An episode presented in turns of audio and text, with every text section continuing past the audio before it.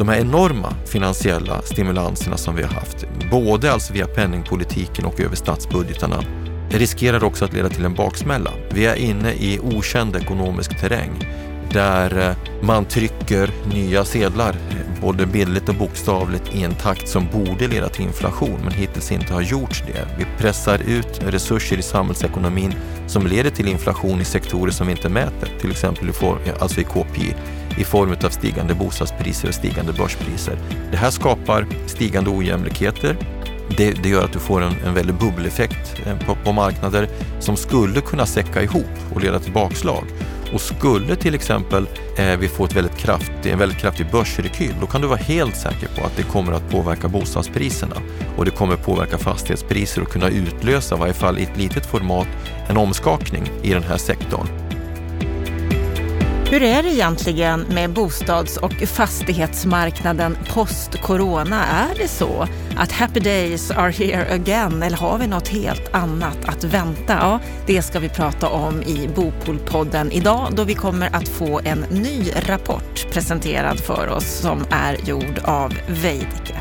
Varmt välkommen till Bopolpodden med mig, Anna Bellman.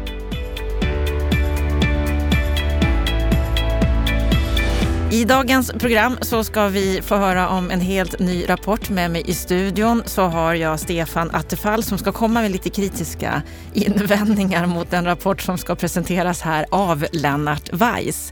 Vi kör igång med en ny rapport som har arbetsnamnet Happy Days are here again. Ja, Lennart, vad är det för rapport som ni presenterar? Ja, för det första så är det så att vi gör ett välkommet omtag på de konjunktur och marknadsrapporter som vi har gett ut under flera år, men som pausades från våren 2020. Eh, och nu när vi kommer tillbaka så, så, har vi förändrat formatet lite. Tidigare hade vi egentligen bara fokus på bostadsmarknaden. Nu har vi breddat det till hela samhällsbyggnadssektorn och det är en medveten omprofilering därför att vi har fått eh, önskemål ifrån sektorn på att ta ett bredare grepp. Och vi tyckte dessutom att det var intressant att göra det så här post-corona. För nu har vi liksom levt i ett ska säga, ekonomiskt, politiskt och psykologiskt undantagstillstånd i över ett år som har lett till mycket spekulationer om vart vi är på väg. Och då är det utifrån ett branschperspektiv intressant att ta pulsen på vad det är egentligen som har skett. Och det är det vi gör här. Och eh, vi försöker också spana lite framåt. Vad kan vi se bortom corona? Vad kommer att hända i samhällsekonomin och i fastighets och samhällsbyggnadssektorn? Men är ni så säkra på att coronan är över? Vi får ju höra här att smittspridningen den ökar nu under hösten. Kan det inte fortsätta att vara en delvis förlamande effekt som det här viruset sprider? Ja, kanske både förlamande och förlösande därför att eh, det har ju skett eh, saker i båda riktningar här och det är lite det vi försöker spana mot. Nej, det kan vi inte veta eh, helt säkert och jag, jag har inte någon sån kristallkula så att jag vet heller. Men baserat på vad som har skett hittills och vad vi har sett hittills så tycker vi ändå att man kan göra vissa eh, förutsägelser och övergripande så du refererade till arbetsnamnet Happy Days Are Here Again. Egentligen så visar alla siffror som vi har grävt i att det är fallet. Och det är också någon form av historisk erfarenhet. Efter stora eh, kriser, globala kriser som, som, som just pandemier eller världskrig, va, så har vi haft en historisk erfarenhet av att det skett en väldigt kraftig rekyl. Det glada 20-talet är ett begrepp som alla känner till då, då ekonomin eh, utvecklade sig väldigt kraftigt. Champagnen flödade och liksom eh, otroheten och annat promiskuöst eh, leverne. det är svårt ord. Eh, och det kanske blir på samma sätt eh, nu då, eh, även om man inte vet om just corona leder till en viss avhållsamhet, vad vet jag. Det är mycket som talar för det här. Vi ser alltså i de siffror vi presenterar en kraftig konsumtionsrekyl. Vi ser att privatresor studsar tillbaka. Vi ser att eh, pandemin men också vad ska vi säga, ehm, det allt mer påtagliga klimathotet utlöser en våg av innovationer och förändringar i samhällsekonomin. Jag, vi tycker oss se väldigt starka tecken på en ny generation av entreprenörer som kommer att kliva fram. Unga människor med nya idéer som kommer att ge en impuls till till den ekonomiska utvecklingen. Vi kommer att se nya konsumtionsmönstret. Genom pandemin så kommer produktionskedjor att, att skifta på olika sätt. Just nu ser vi till en del problem också med, med brist på halvledare och så. Men man kommer att söka sig till nya lösningar. Pandemin kommer att skapa ett nytt fokus på medicinsk teknologi för att eh, eh, parera den här typen av problem. Och vi kommer se en väldigt, väldigt kraftig satsning på, på eh, hållbarhet och, och, och, cirkulär ekonomi. Och alla de här krafterna verkar i samma riktning mot en ekonomisk eh, expansion som kommer att ge en kraftig boost i ekonomin i form av ökade BNP-tal, minskad, eh, minskad arbetslöshet, ökad sysselsättning och en kraftig ekonomisk utveckling. I vart fall ett par, tre år framåt. Sen kan man också peka på och bör också ha en viss uppmärksamhet på att de här enorma Eh, finansiella stimulanserna som vi har haft, eh, både alltså via penningpolitiken och över statsbudgetarna, har ju också riskerar också att leda till en baksmälla. Vi är inne i okänd ekonomisk terräng där eh, man trycker nya sedlar, både bildligt och bokstavligt, i en takt som borde leda till inflation, men hittills inte har gjort det. Vi pressar ut eh, resurser i samhällsekonomin som leder till inflation i sektorer som vi inte mäter, till exempel i, for, eh, alltså i KPI, i form av stigande bostadspriser och stigande börspriser. Det här skapar stigande ojämlikheter, det, det, gör att du får en, en väldig bubbeleffekt eh, på, på marknader som skulle kunna säcka ihop och leda till bakslag. Och skulle till exempel eh, vi få ett väldigt kraftig, en väldigt kraftig börsrekyl, då kan du vara helt säker på att det kommer att påverka bostadspriserna och det kommer påverka fastighetspriser och kunna utlösa, i varje fall i ett litet format, en, en, eh, eh, en omskakning i den här sektorn.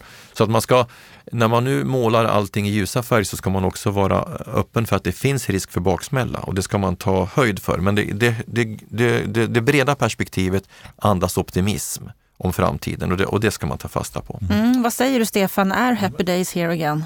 Alltså, andra konjunkturprognoser talar ju i samma riktning och, och jag delar helt den där bilden. Sen ska man ju, som Lennart inne på slutet här också, fundera på vad finns det för risker här? Du nämnde det här med deltavarianten på coronaviruset nu som en sån faktor som man lyfter fram som en riskfaktor. En annan är ju, vi pratade om cementkrisen i veckans Aktuellt. Eh, det vill säga det kan få en effekt på bostadsbyggande, infrastrukturbyggande som kan få en stoppeffekt och dämpa tillväxten, särskilt den sektorn. Eh, men sen har vi också hela räntor, det här bygger på att räntorna är fortsatt låga.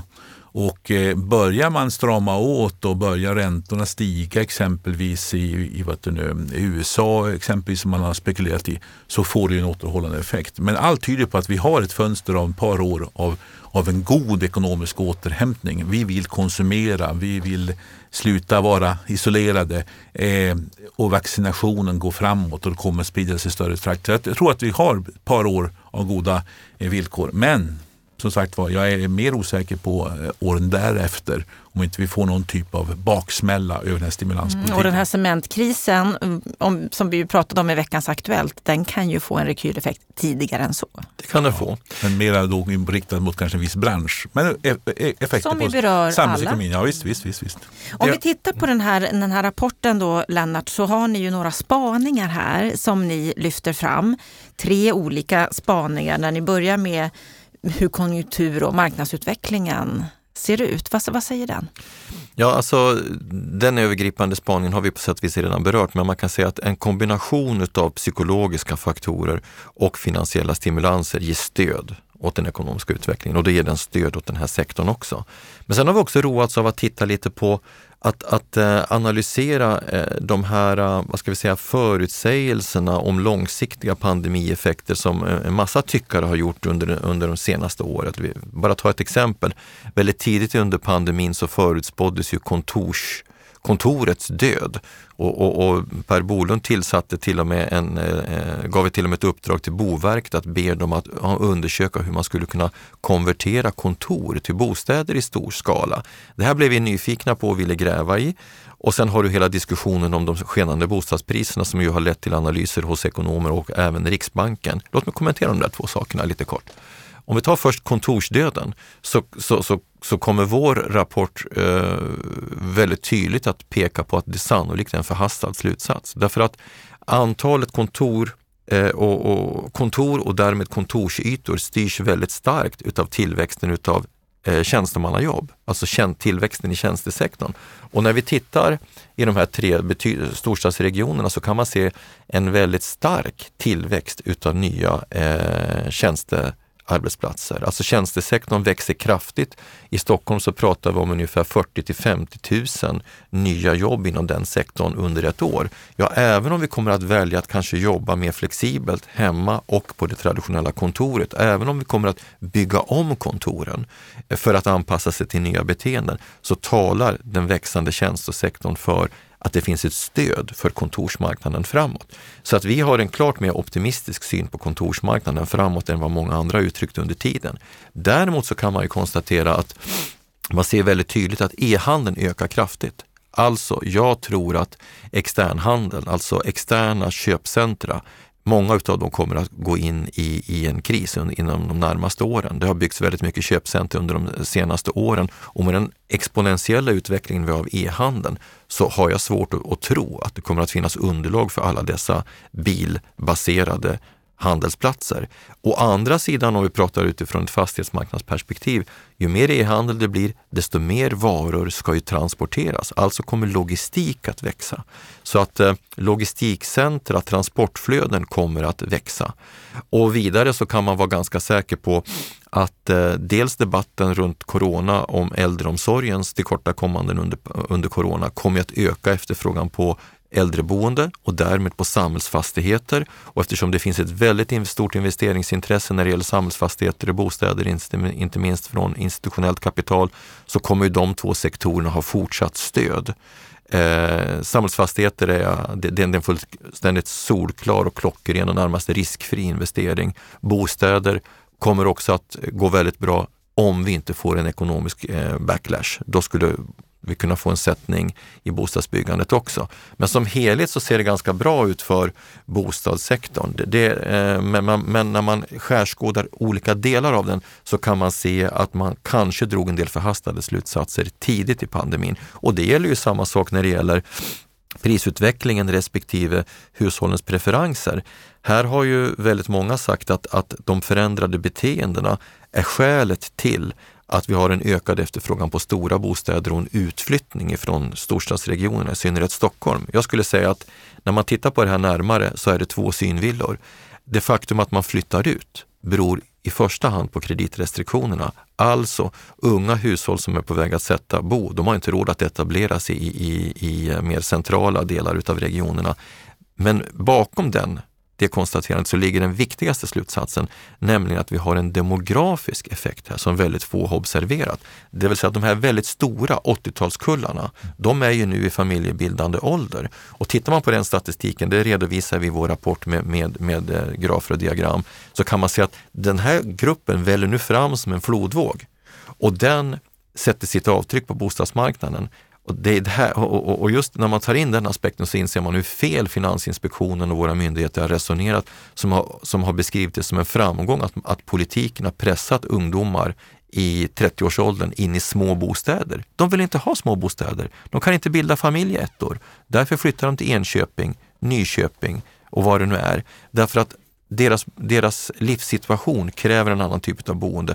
Så här har man alltså överdrivit psykologiska faktorer och gravt underskattat synnerligen reala faktorer som att 80-talsgenerationen är stor och nu har andra behov helt enkelt. Jag skulle ställa en Stockholmsfråga här med det du säger i det här sista. Att, nämligen att, att unga familjer väljer att flytta ifrån Stockholm. Här ser vi att för tredje året i rad så har ju Stockholm ett negativt flyttnetto. Det är fler som flyttar härifrån än som flyttar ja, till storstad. Ja. Mm. Exakt. Mm. Vad betyder det för den här storstadsregionen? Har vi en kris här att vänta när det gäller arbetskraft?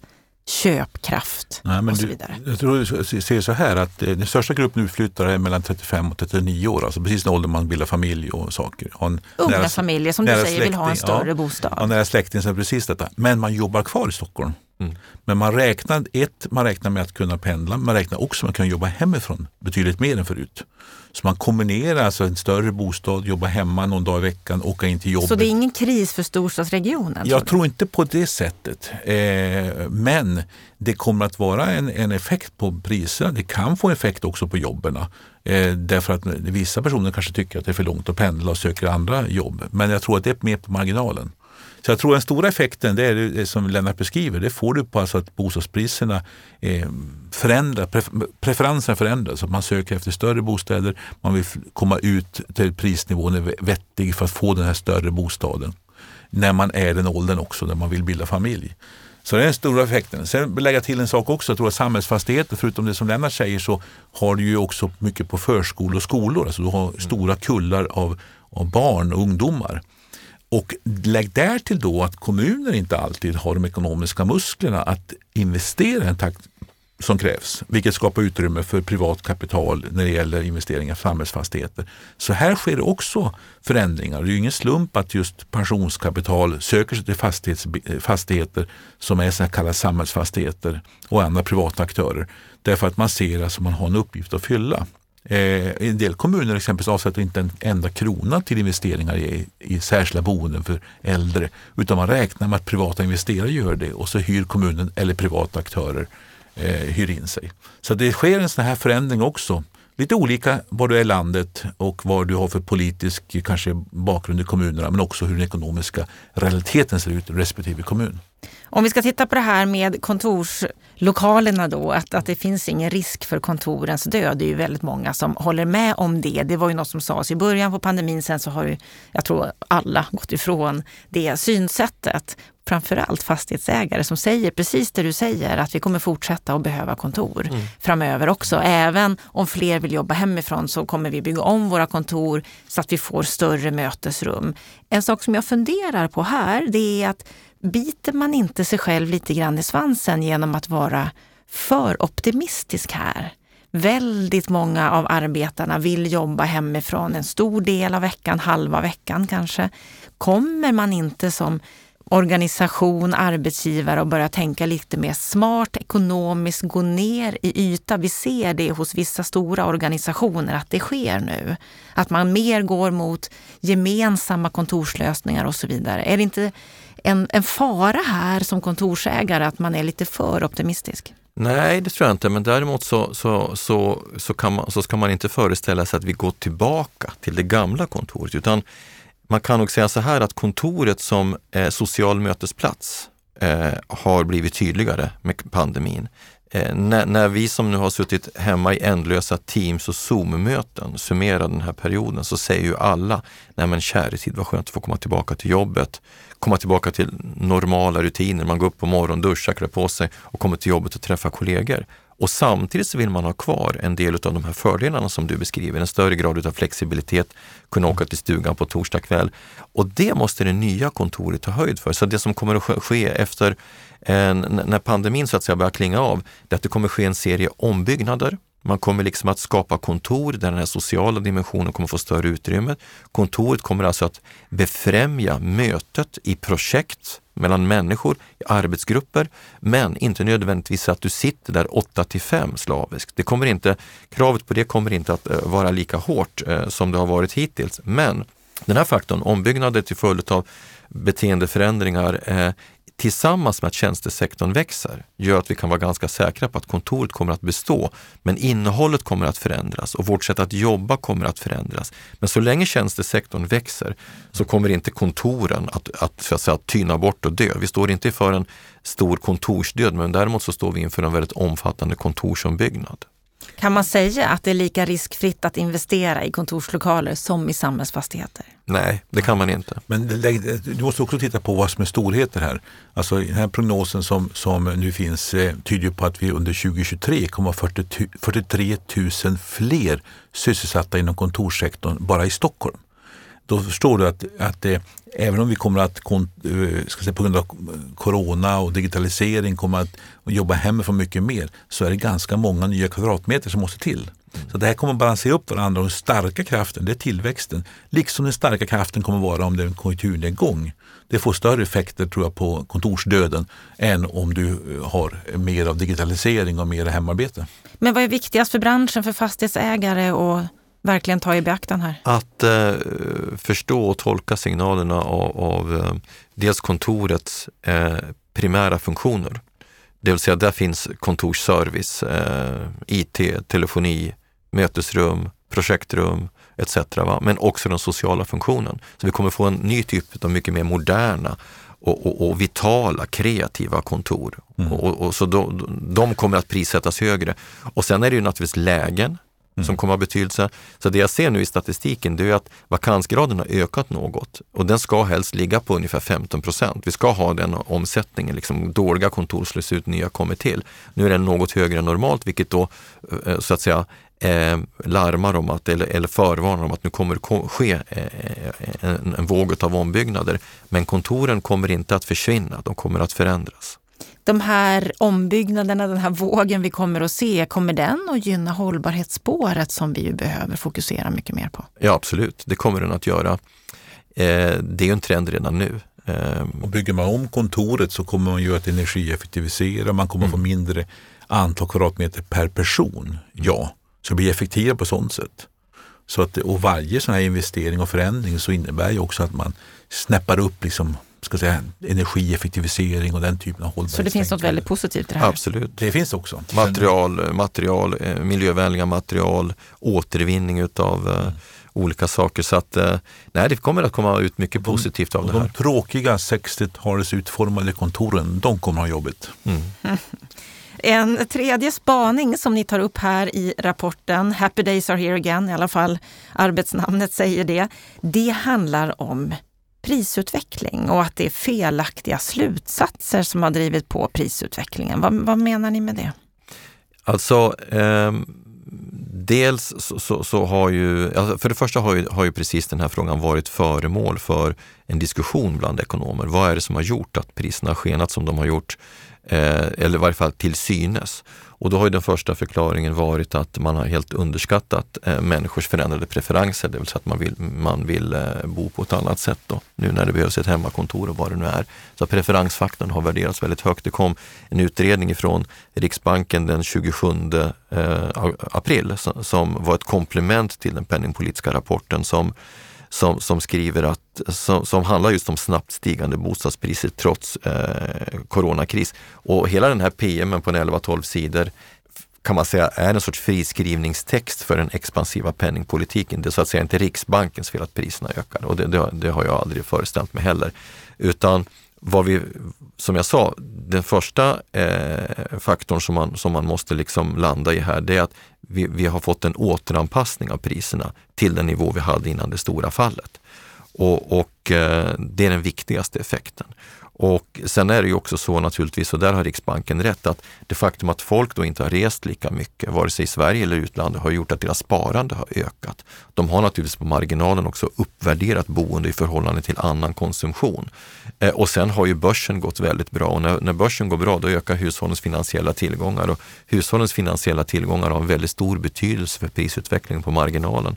Men det som har störst betydelse det är den underliggande ekonomin och, och, och, och coronakrisen, pandemin fick ju inte den effekten man trodde med skenande arbetslöshet utan tack vare de, de omfattande paketen som sattes in från politiken, inte bara i Sverige utan i hela västvärlden egentligen, har ju liksom dämpat eh, ökningen av arbetslösheten. Framförallt de med, med starkt fotfäste i tjänstemannasektorn. De har ju behållit sina jobb och därmed eh, har de haft en stabil ekonomi och den ekonomin har förbättrats till följd av de ekonomiska stimulanserna. Och då ger det utslag i form av stigande bostadspriser. Det är ju inte så att stigande bostadspriser är någon form av alkemi, liksom, utan det, har ju alltid, det är alltid ankrat i, i fundamentala faktorer och så även den här gången. Ja, det enda jag vill lägga till förutom detta det är ju att vi kommer ju också att få troligtvis en kraftigt ökad också investeringar i anläggningar, alltså infrastrukturer på olika sätt. Inte minst eh, vägar, järnvägar och liknande saker. Där är behoven stora och eh, hela järnvägsdiskussionen tyder ju på att vi kommer att få också stora investeringar där. Så det finns mycket som talar för att det kommer att vara goda tider ändå för byggbranschen som sådan. Sen kan det bli förändringar inom sektorn, inom området. Men det kommer att finnas mycket jobb och mycket eh, att, eh, säga, kapital som också vill söka sig till det området tror jag. Om vi ska försöka sammanfatta. Du gjorde en sammanfattning nu på ett sätt, Stefan. Vad säger du Lennart? Vad är det viktigaste vi tar med oss? Happy days are here again. Men med vissa strukturella förändringar eh, inom fastighetssektorn som vi nu fokuserar på här och med en del beteendeförändringar och, och eh, Eh, men också med en del bestående livsstilsförändringar såklart. Så att, eh, men, men det finns ingen anledning att eh, gå omkring och deppa utan det finns en rad möjligheter som vi ska gripa framåt. Min största oro egentligen post-corona det är har vi överhuvudtaget några förutsättningar att klara klimatkrisutmaningen? Men det är en egen Bopolpodd och även med koppling till den här branschen. Men den frågan kommer att kasta en mycket lång skugga över hela samhällsekonomin och alla samhällssektorer och inte minst bygg och fastighetssektorn. Så det är den som kan mörka de optimistiska känslorna som den här rapporten ändå visar? Ja, kanske, men det kan också leda till en ny våg av innovationer och ekonomisk tillväxt. Det beror helt på hur vi förvaltar den här utmaningen vi står inför. Och det är bråttom. Det är jättebråttom. Stort tack för att du har varit med oss och lyssnat på Bopolpodden. Det här första riktiga avsnittet den här hösten. Vi ser fram emot en intressant, spännande höst. Vi har redan bokat upp många spännande gäster så jag hoppas att du är med oss. Är det så att du vill förkovra dig ännu mer, ja då går du in på bostadspolitik.se. Där samlar vi det allra senaste som skrivs i media när det gäller bostads och fastighetsfrågor. Där har vi många kröniker, andra rapporter, mycket läsvärt helt enkelt. Och där kan du också signa upp dig på vårt nyhetsbrev som kommer ut varje fredag. Med detta så önskar vi dig en riktigt trevlig vecka så ses vi igen och hörs framförallt på fredag igen.